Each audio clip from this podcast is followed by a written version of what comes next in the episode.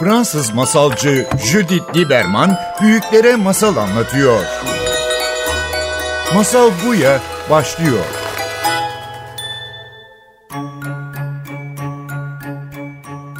Masal Buya'ya hoş geldiniz. Bugün Hint mitoloji, Hint masallar üzerinde bir program, bir sohbetimiz olacak ve beraber stüdyoda Profesör Doktor Korhan Kaya ile beraberiz. Ankara Üniversitesi'nde Dil, Tarih ve Coğrafya Fakültesi'nde Hindoloji bölümünün başkanı.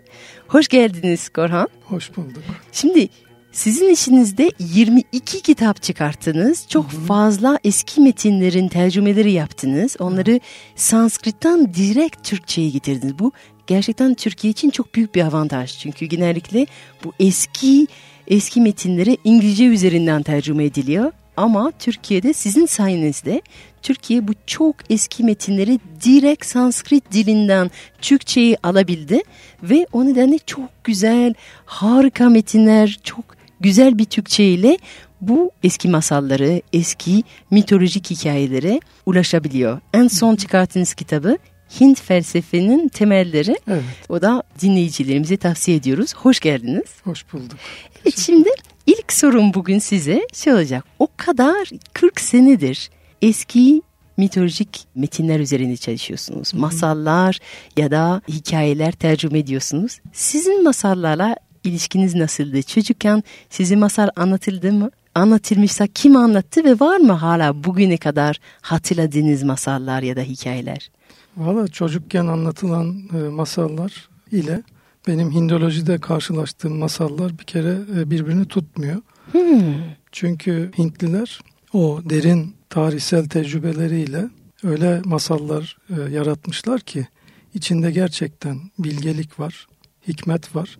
Yani güzel vakit geçirmek veya çocuk oyalamak içinden ziyade büyükler için anlatılmış. Özellikle Panchatantra, Hitopadesha gibi hayvan masallarında zaten tamamen e, yöneticilere tavsiyeler içeren masallar var. Evet prenslerin eğitimi, etik eğitimi Aynen için öyle. kullanılan evet. masallar değil mi? Aynen Zor öyle. soru soran masallar. Kesinlikle.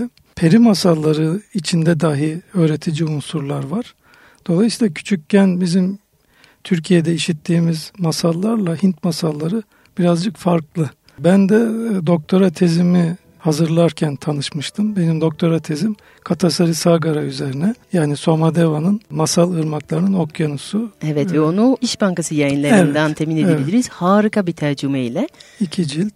Bayağı biraz uzun okuması biraz zor ama güzel. Çok hatta oradan bir sürü film senaryosu çıkartılabilir yani. Peki siz Ankara'da okuyan bir genç olarak sizi bu Hindolojiye, sizi bu eski metinlere çeken ne oldu ilk olarak? Valla e, diğer branşlar yani dil tarihi ben e, tercih etmek istiyordum o yıllarda. Çok ilgimi çekmedi. Arap dili, Fars dili gibi bölümler ama Hindoloji çok daha çekici geldi bana. Bilinmeyen bir kültür. Bilinmeyen bir kültürü bilinir hale getirmek, Türkiye için konuşuyorum tabii. Çünkü Avrupa'da biliniyor.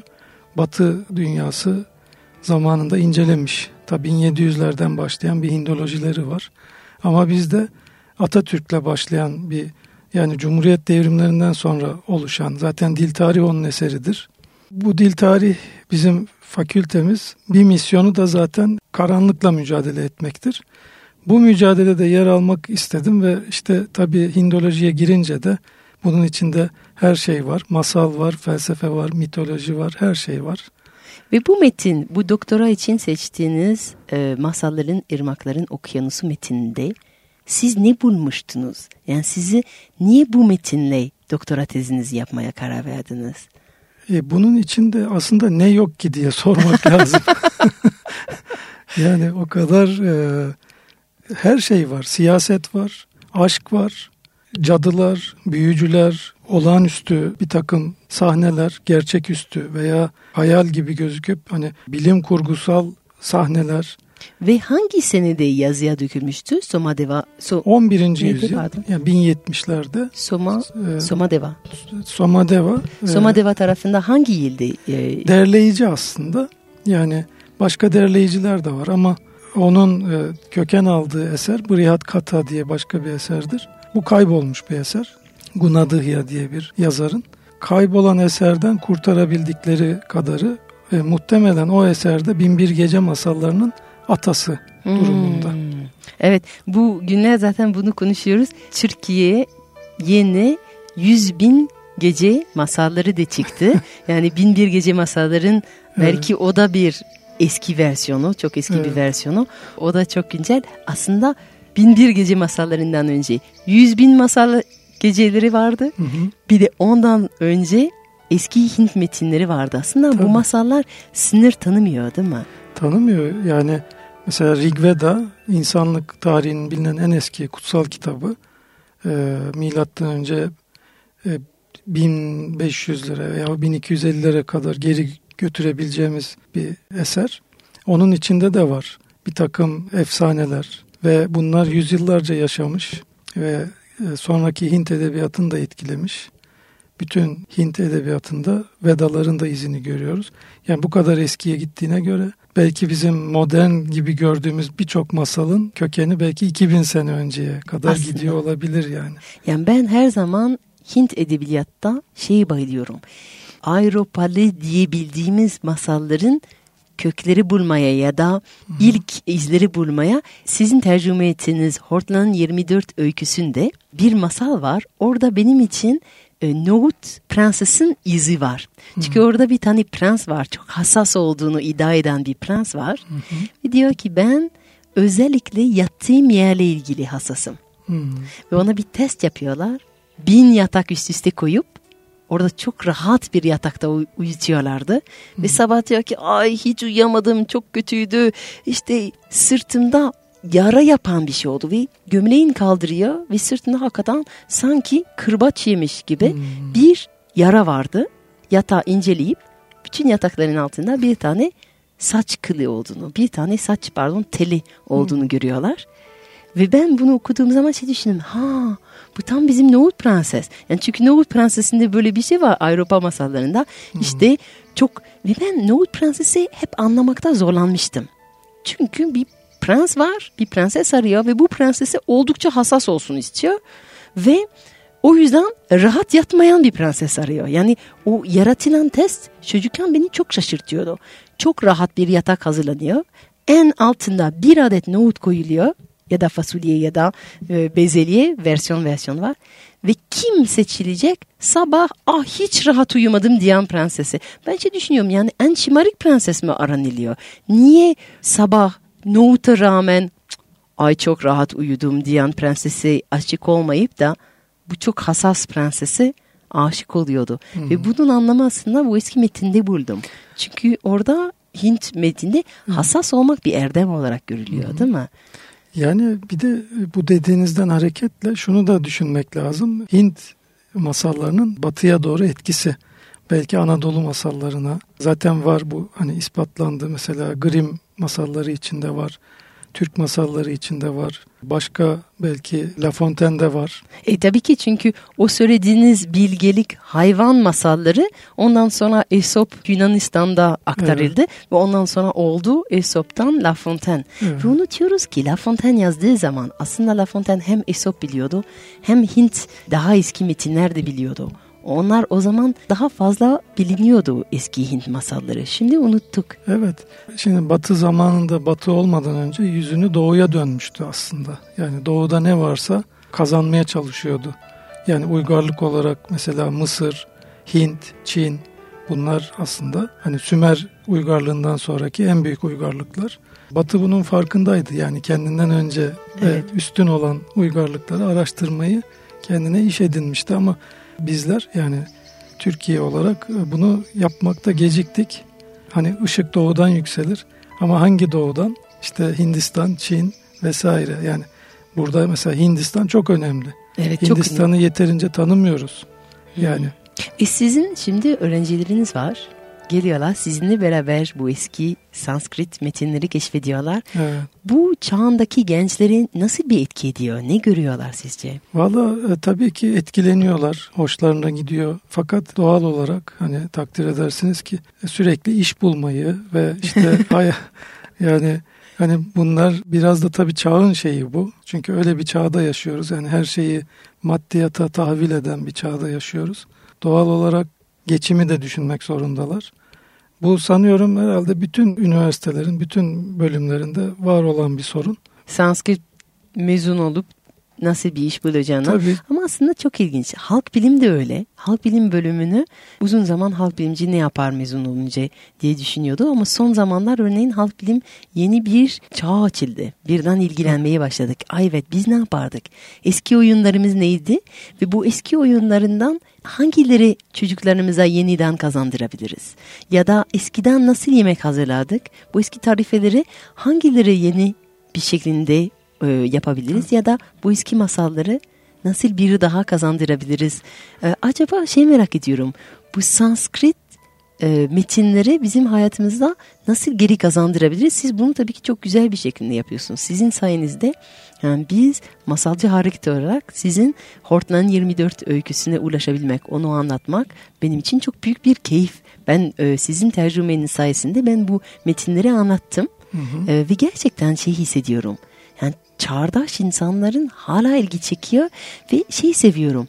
Bu şaşırma. Ha, ne kadar eski ve hala çağdaş. Tabii. Yani Tabii ama işte burada birazcık şeyi de düşünmek lazım. Bir toplum sosyal bilimlere ne kadar değer veriyor? Bu e, önem kazanıyor. Halbuki yani her şeyi ekonomiyle ölçmek doğru değil. Aslında bir toplumun kültürü gittiği zaman her şeyi gider. Kültür de kolay oluşturulan bir şey değildir. Yani dediğiniz gibi şimdi bu masallar halk psikolojisine giden birer yoldur. Yani onu gösterirler. Halkın bir yerde bilinçaltıdır. O masalı oluşturan toplumun bilinçaltıdır. Bir kere bu toplumların birbirini tanımasına yol açar. Neden olur ve kendini kendi toplumunu tanımayı da kolaylaştırır. Yani masalı küçümseyip veya sosyal bilimlere gelelim oradan. Küçümseyip bunlar para getirmiyor diyerek bir kenara atarsak aslında ne kadar çok para kazanırsak kazanalım hiçbir şey kazanmamışız demektir. Evet aslında bir toplum kendi içindeki bilgeliğe göre ölçülmesi Tabii. gerekiyor. Çünkü biliyorsun satrancı bulanlar da Hintlilerdir. Hmm, onu İ- bilmiyordum ben. İran'da e, gelişmiştir. Evet ben İran biliyordum her evet, zaman. Şah, şah deyince evet, evet. aslında e, sıfır gibi. Sıfır da Arap rakamı diye bilinir. Halbuki evet. sıfırı da bulan Hintlilerdir. Aa, onu da hiç bilmiyordum. Hintliler üç büyük şeyi bulmuştur. Biri sıfırdır, ondalık sayı sistemi. Diğeri satranç. Üçüncüsü de hayvan masalları. evet çünkü ondan sonra onlar Aesop'tan La Fontaine'i ve La Fontaine çok daha fazla biliniyor. Ama evet. aslında kökü orada değil. Yani La Fontaine'in en aşağı 20 masalı doğrudan Hint masalıdır. Evet. Kendisi de söylüyor zaten. Kalimne ve Dimne Kalim Kelle ve Dimne de Panchatantra'nın bir evet. başka versiyonudur. Evet. Panchatantra oldukça eski bir e, masal serisi. İşte onu Türkçe'ye daha kazandıramadık ne yazık ki ama onun Hitopadeşa versiyonunu kazandırdık. Evet onu. onu... Hitopadeşa var. Şey böyle yani daha çok masal serisi var. Yani Daşa Kumara Charita var, e, Şu Kasaptati var. Hindistan'a gittiğim zaman Panchatantra çocuklar için versiyonu buldum. Acaba evet. hiç böyle yapmaya düşündünüz mü? Yani Panchatantra da tabii ki siz söylüyorsunuz Hı. yetişkinlere ve prenslere yetmek için, etik Hı. öğretmek için, düşündürmek için anlatılan masallar. Ama artık bazen Hindistan'da şey bazı masalları hepsi uygun değil ama Hı. bazıları çocuklara ulaşabilecek bir şeklinde bahsediler ve çocuklar için Panchatantra masalları diye kitapları hiç böyle bir proje yapmaya düşündünüz mü? Aslında onu yaptılar galiba. Bizim Hindistan Büyükelçiliğinde öyle bir kitap olması lazım. Hmm. Ee, Ankara'daki Hindistan Büyükelçiliği zamanında basmıştı.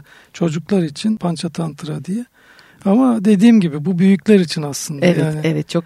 Ben zaten Türkiye'de 8 senedir masal anlatıyorum ve büyükleri masal anlatıyorum. İlk başta herkes şaşırıyordu. Aslında şimdi büyükleri demiyorum, şey diyorum, herkese masallar. Hmm. Çünkü şey düşünüyorum, büyükler de dinliyordu. Ama o zaman o kadar bir ayrım yoktu belki çocuk ve yetişkin arasında. Hmm. Sanırım bir köyde e, festival döneminde Hindistan'da masal anlatıldığı zaman ya da eski epik destanlar anlatıldığı zaman herhalde yetişkinlerin yanında çocuklar da bulunuyordu. Onlar da dinliyorlardı. Yani bir araya gelmek benim son zamanlar esas ilgim çeken o. Yani ayrım yaratmadan hem yetişkinlerin hem çocukların beraber dinleyebilecek ve farklı şeklinde argılayabilecek bir çocuk kendi hayal gücüyle bir şey görürken bir yetişkin kendi hayal gücü ve düşünme sistemiyle beraber onu argılar. Yan yana olup aynı malzemelerinden belki farklı çıkarlarla beraber paylaşabilir miyiz? eski bahalarımız güçlensin. Hı hı. O yüzden benim için son zamanlar masallar özellikle insanların bir araya getirmek için çok hı hı. önemli oluyor. Doğru. O yüzden şey seviyorum çocuklara da ya da yetişkinleri de yani ortak bir hayal dili oluşturmak için aslında. Evet. Evet programınızın e, içeriği gerçekten güzel o açıdan. Evet programımızın sonuna geliyoruz. Acaba son bir tavsiye var mı dinleyicilerimize vermek istediğiniz? Onlara şunu tavsiye ederim ya Hindistan'a ve Hint kültürünün yarattığı eserlere ilgi duysunlar, ilgi göstersinler. Bu onlar için daha iyi olacaktır. Çünkü Budizm ayrı bir konu. Yani bin sene oraya hükmetmiş ve Hindistan şöyle yani e, doğuyu da Budizmle etkilemiştir. Bütün uzak doğu yukarıdan Mahayana Budizmi aşağıdan Theravada buradan Hindistan'dan Sibirya'ya Japonya'ya kadar veya aşağıda Hindi Çin'ine kadar Budizm.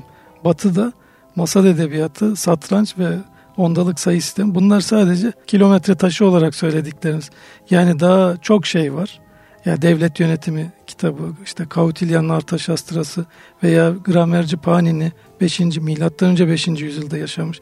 Bütün bunlar çok büyük bir uygarlığa işaret eder. Lütfen bu uygarlığa saygı duysun herkes ve ilgi duysun. Evet. Yani çok önemli yani bildiklerimizin kökü aslında. Evet. Çok teşekkür ederim. Rica ederim.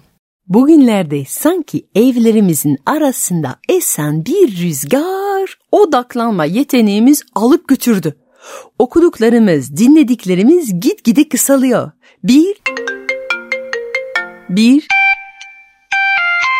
sürekli bölünüyoruz. Peki, tekrardan odaklanmak nasıl olur? Merak edersen hey yolcu, dinle bu eski Hint hikayesini.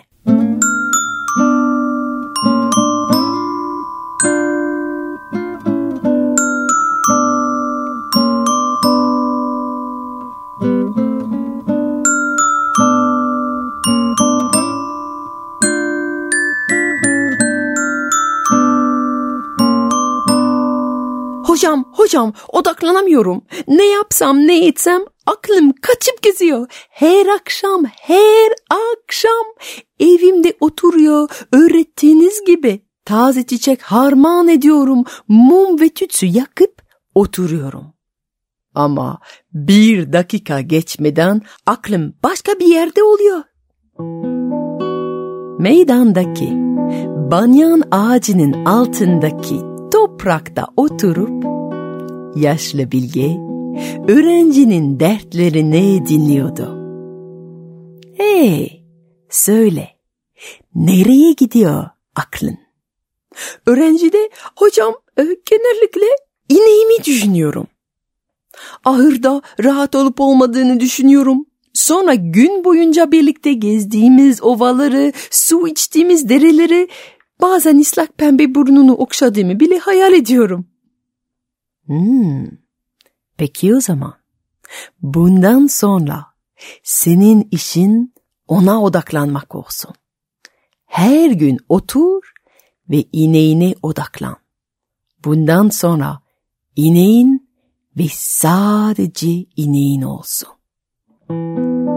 Bu çok daha kolay bir göreve benziyordu. Öğrenci heyecanla bir sonraki gün ineğin tarlaya getirip bir ağaca bağladıktan sonra o da ağacın gölgesine oturup ineğine bakıp ondan başka bütün düşünceleri kafasından yok etmeye çalıştı.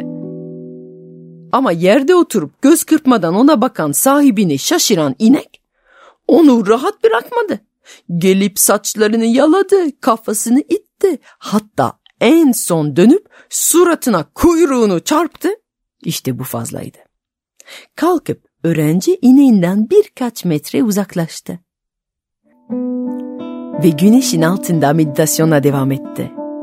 Bir saat, iki saat, Üç saat sıcak güneşin altında kaldıktan sonra kafası pişti, beyni kaynadı, boydan boya tarlada titriye titriye uzandı.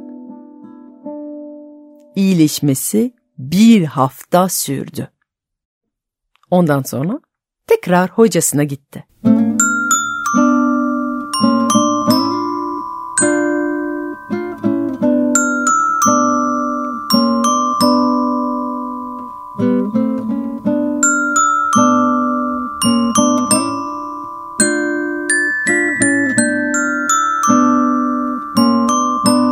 Hocam ineğime odaklanamıyorum. Güneş bana engel oluyor. Tarlada duramam. Hoca bu yeni durumu düşünüp sordu. Peki illa tarlada durman gerekir mi? Tabii ki hayır. Çok haklısınız. Evde de olabilirim diye cevap verdi öğrenci ve koşarak tarlaya gitti. İğneğini alıp evine getirdi. Kapıyı kapatıp yerlerde taze çiçek serip mum ve tütsü yaktı ve günün meditasyona başladı. Tabii ki ineği şaşırdı. Hiç bu kadar dar bir alanda durmamıştı. Evdeki vazoyu kırıp eşyalarının hepsini devirmeye başladı ve yine öğrencimizin odağı bozuldu. Bir sonraki gün tekrar meydandaki banyan ağacının altına hocasından yardım istemeye gitti. Acaba ineğin yanında olmazsa yine onu düşünüyor olamaz mısın? İneğin tarlada olsun, sen evde onu düşün ve sadece ona odaklan, diye önerdi yaşlı hoca. Evet, tabii ki haklısınız. Öyle olsun, öyle olması lazım. Ay daha önce bunu neden düşünmemiştim? Elbette öyle yapacağım. Diyerek öğrenci evini inek meditasyona oturmaya gitti. Kapıyı kapatıp evini süsledi, mum tütsü yakıp üstüne en güzel beyaz kıyafetlerini giyip halısına oturup odaklanmaya başladı. Bir gün geçti. Sonra iki, üç gün geçti. Bizim genç öğrenci evinden çıkmayınca komşular endişelenmeye başladılar. Kapıyı kilitli bulup hocasını uyarmaya gittiler. Hocası kapıya gelip sordu. Evladım, nerelerdesin? Neler yapıyorsun? Neden evinden hiç çıkmıyorsun? Hocam bir saniye odaklandığım inek günlerdir kaçtı da günlerdir onu ormanda arıyorum. Ne yapayım? Onu orada bırakıp kapıyı mı açmaya geleyim? Hayır, hayır. Devam et. Çok iyi ediyorsun. Bir gün, iki, üç gün öğrenci hala evinden çıkmıyordu. Hoca geri gelip sordu. Neler oluyor? Nerelerdesin? Hocam bir saniye hayal ettiğim ineğim yaralandı da onu iliştireyim mi yoksa kapıyı açmaya geleyim mi? Hayır, hayır. Devam et. Çok iyi ediyorsun. Bir gün, iki, üç gün öğrenci hala evinden çıkmıyordu. Hoca kapıya yumuşak bir sesle neler oluyor, nerelerdesin sormaya geldi. İçeriden gelen tek cevap mı oldu. Çok iyi. Artık gel. Çıkabiliyorsun. İçeriden bir ses kapı içeriden açıldı ve Hocam çıkamıyorum. Boynuzlarım kapıdan sirmiyor. O zaman hoca eve girip öğrencisinin kafasını yavaş yavaş okşadı. Aferin. Artık sen odaklanmaya öğrendin. Sırada o aynı saflıkla, aynı adanmışlıkla, bütün evrene odaklanman. O zaman küçük evinden ulaşabileceğin mucizelerin büyüklüğünün sınırı olmaz.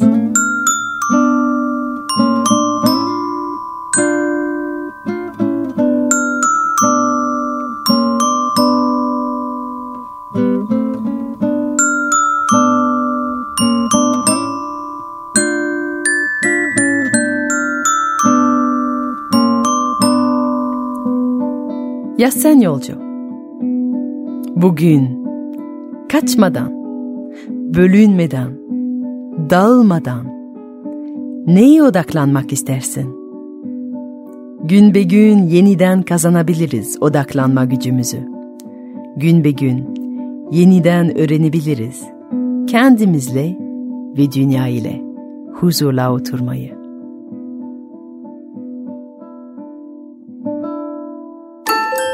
Fransız masalcı Judith Lieberman büyüklere masal anlatıyor.